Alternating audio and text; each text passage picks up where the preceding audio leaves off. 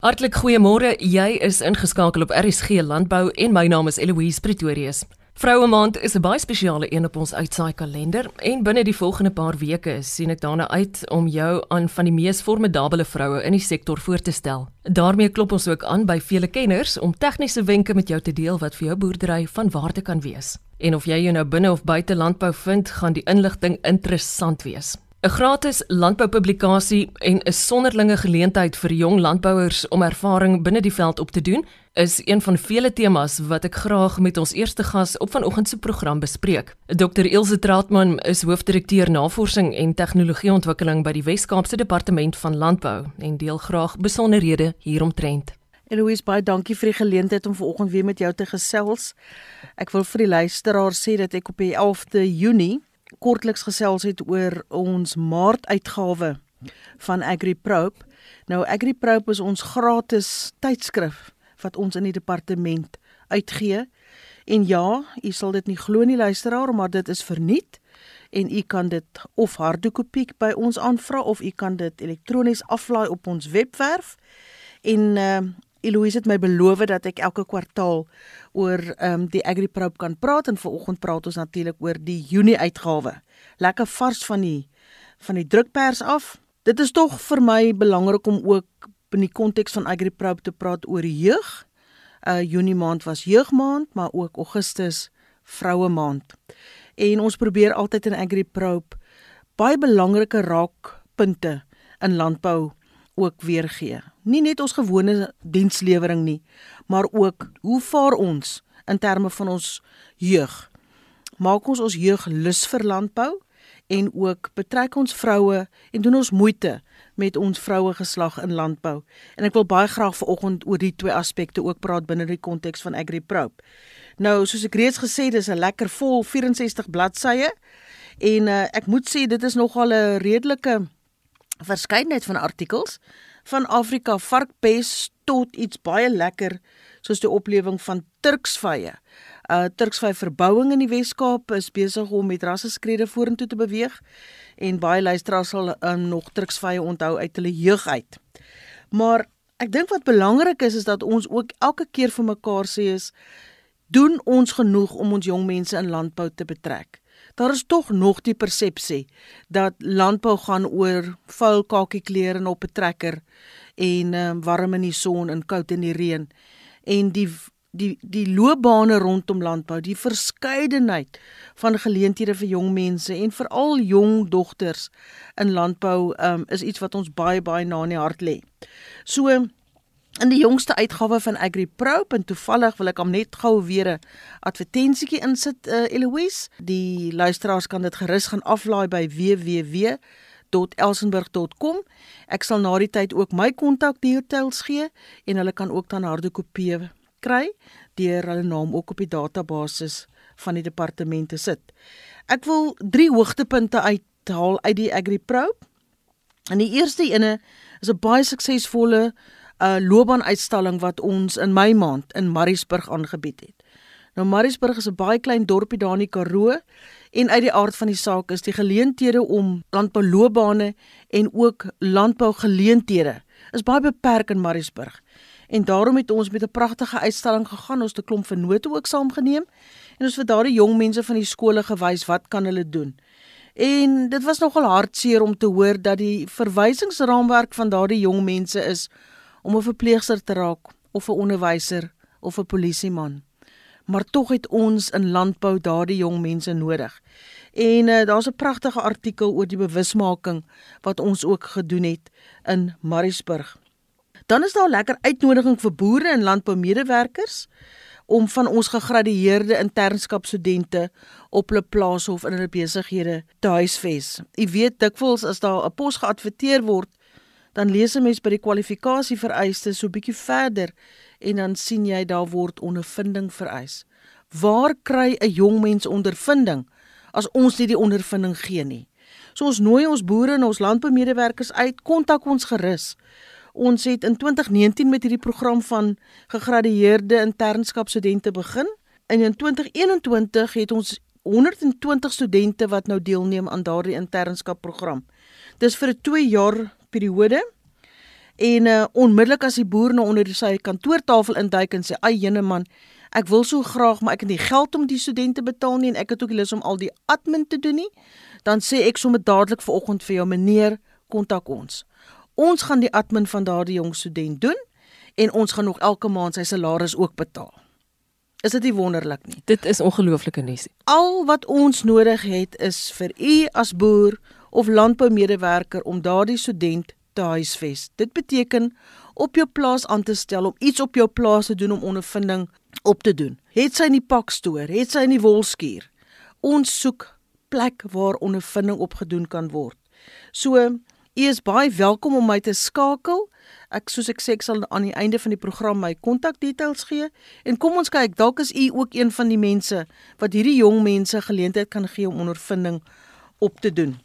Dan die laaste gedeelte van my praatjie vanoggend gaan oor ons Junior Land Care program. Nou ons Junior Land Care program het 25 jaar gelede in Swellendam begin en vandag is ons trots om te sê dat ons ongeveer 7000 leerdlinge in grade 4 tot 6 van 35 skole jaarliks huisves. Wat is die doel van hierdie Junior Land Care? Dis om vir daardie jong mense te leer waaroor die planeet gaan, waaroor volhoubaarheid gaan, waaroor omgewingsbewaring gaan en ook waaroor landbou en voedselsekuriteit gaan. En ons kry ongelooflike satisfaksie om daai jong mense te sien waar hulle vir die eerste keer ervaar wat daar buite aangaan. En 'n jong mens en 'n leerder wat verstaan hoe die natuur werk, is iemand wat baie meer afgerond is vir die werksplek as iemand wat net nooit buite kom nie. En ek wil baie graag afsluit om 'n baie mooi verhaal te vertel. Een van ons huidige landbouekonome, Vanessa Baren Jones, is deur een van ons landcare bestuurders jare gelede raak gesien as 'n jong mens wat so 'n belangstelling in die natuur en landbou gehad het. Ons het haar met 'n beurs ondersteun om verder te studeer. Sy was 'n young professional student by ons ook en vandag is sy gekwalifiseerde landbouekonoom. Wat sou van haar geword het as sy nie raak gesien is iewers deur een van ons beamptes om te sê jy het 'n toekoms, ons sien 'n toekoms in landbou. Ek wil graag vir die luisteraars vra twee huiswerkies uitdeel. Die eerste een is: gaan lees ons gratis AgriPro. Die tweede een is: wat het jy gister gedoen en wat gaan jy vandag doen om 'n jong mens bewus te maak van landbou, van ons kosmandjie. Hoe belangrik dit is dat ons mense moet betrek om ons te help om ons kosmandjie in Suid-Afrika te vul. En ek wil daai uitdaging aan almal stel. Kom ons kyk elkeen wat ons kan doen en saam sal ons jong mense na landbou toe trek. Ek sluit graag af met my kontakbesonderhede. Enige luisteraar kan my kontak by Ilse T. Die Ilse is met 'n S, Ilse T @elsenburg.com of hulle kan my skakel by my kantoornommer 021 808 5012. So ilse@elsenburg.com en my foonnommer 021 8085012. My selfoon is deurgeskakel na uh, my werksfoon en andersom. So u kan ook na ure skakel. Ek sal altyd u oproep neem. Dankie Eloise daarmee die eerste gas in ons vroue maandreeks programme. Dr Ilse Trautmann is hoofdirekteur navorsing en tegnologieontwikkeling by die Wes-Kaapse Departement van Landbou. Lisa Smorenburg is navorsingstegnikus by dieselfde departement en werk by die Tuigroek Navorsingsplaas naby die Viersonderend. Sy is 'n kenner op die gebied van dekgewasse asook herlewingslandbou en doen al 'n geruime tyd proewe hieroor. Ek het haar uitgevra oor van haar mees onlangse navorsingsresultate. 2021 is weer 'n redelike moeilike jaar. Ons proewe is tot die minimum beperk wat ons geplant het in die in die Oeverberg en Swartland gebied. Uh meeste van my proewe is maar in die Suid-Kaap en ek doen werk meestal op dekgewasse en herlewingslandbou proewe.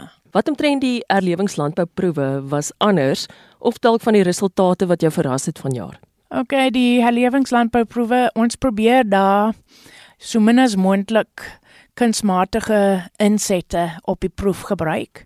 Ek het 3 kampe wat net dekgewasse somer en winter kry en dan het ek 3 kampe wat winter kontantgewasse kry en dan in die somer kry hulle 'n somerdek gewas. Dis net om wortels in die grond hou. Ons probeer die grond opbou. Ons het 'n bietjie gesukkel verlede jaar met die onkruid omdat dit was die eerste jaar van die projek en um ons moes voel voel waar ons gaan en die onkruid het ons 'n bietjie onderdruk. Ons opbrengste op die kontantgewasse was onder 'n ton waar in die kontrolekampe het ons goeie opbrengste gekry. Verlede jaar in die Oeverberg was die beste opbrengste wat hulle in in jare al gehad het. Ja, die pollinator strips langs die kant van my proewe is daar om die insekte te lok. Ek het sulke houtstompe daar ingesit en verskillende grootte gate ingeboor dat daar daarom huise is vir hulle. Ek kyk gereeld daarna. In die somer, hulle het nie so baie plante en goed gehad, maar daar was redelik insekte wat ek wil hê want ek probeer die vyande van ons wat ons kan help in die gewasse daar lok. Ehm um, dat ons hoef nie insekdodes en goedes te spyt nie. Ja, dit is dit is basies dat ons het goeie oorblywende of hoe droommateriaal oorgehad na die wintergewasse verlede jaar. Ek het met oor die 300 kleinvee eenhede per hektaar op onderdrukbeweiding gewerk. Elke tweede derde dag die skape geskuif en op die ou einde het ek nog altyd meer as 3 ton per hektaar droë materiaal wat ek kon behaal wat ek in die somer weer gevoer het vir die vir die skape. Wat lê nog voor in terme van julle projekte en beplanning en navorsing vir die res van hierdie jaar? Ons is besig met die wisselbouprogram van Dr. Johan Strauss om te probeer om 'n bietjie beeste in die in die program ook te bring want op Tygerhoek het ons nie beeste nie.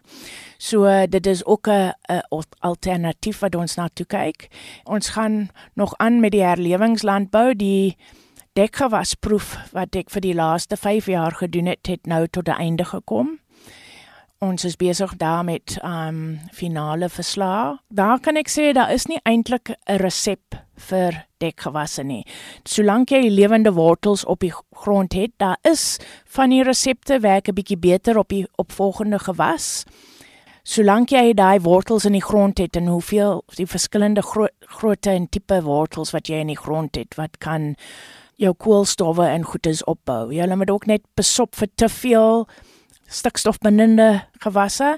Ek het al gesien as ek rondry dan probeer die boere net breëblaar dekgewasse insit om die grasse uit te spuit.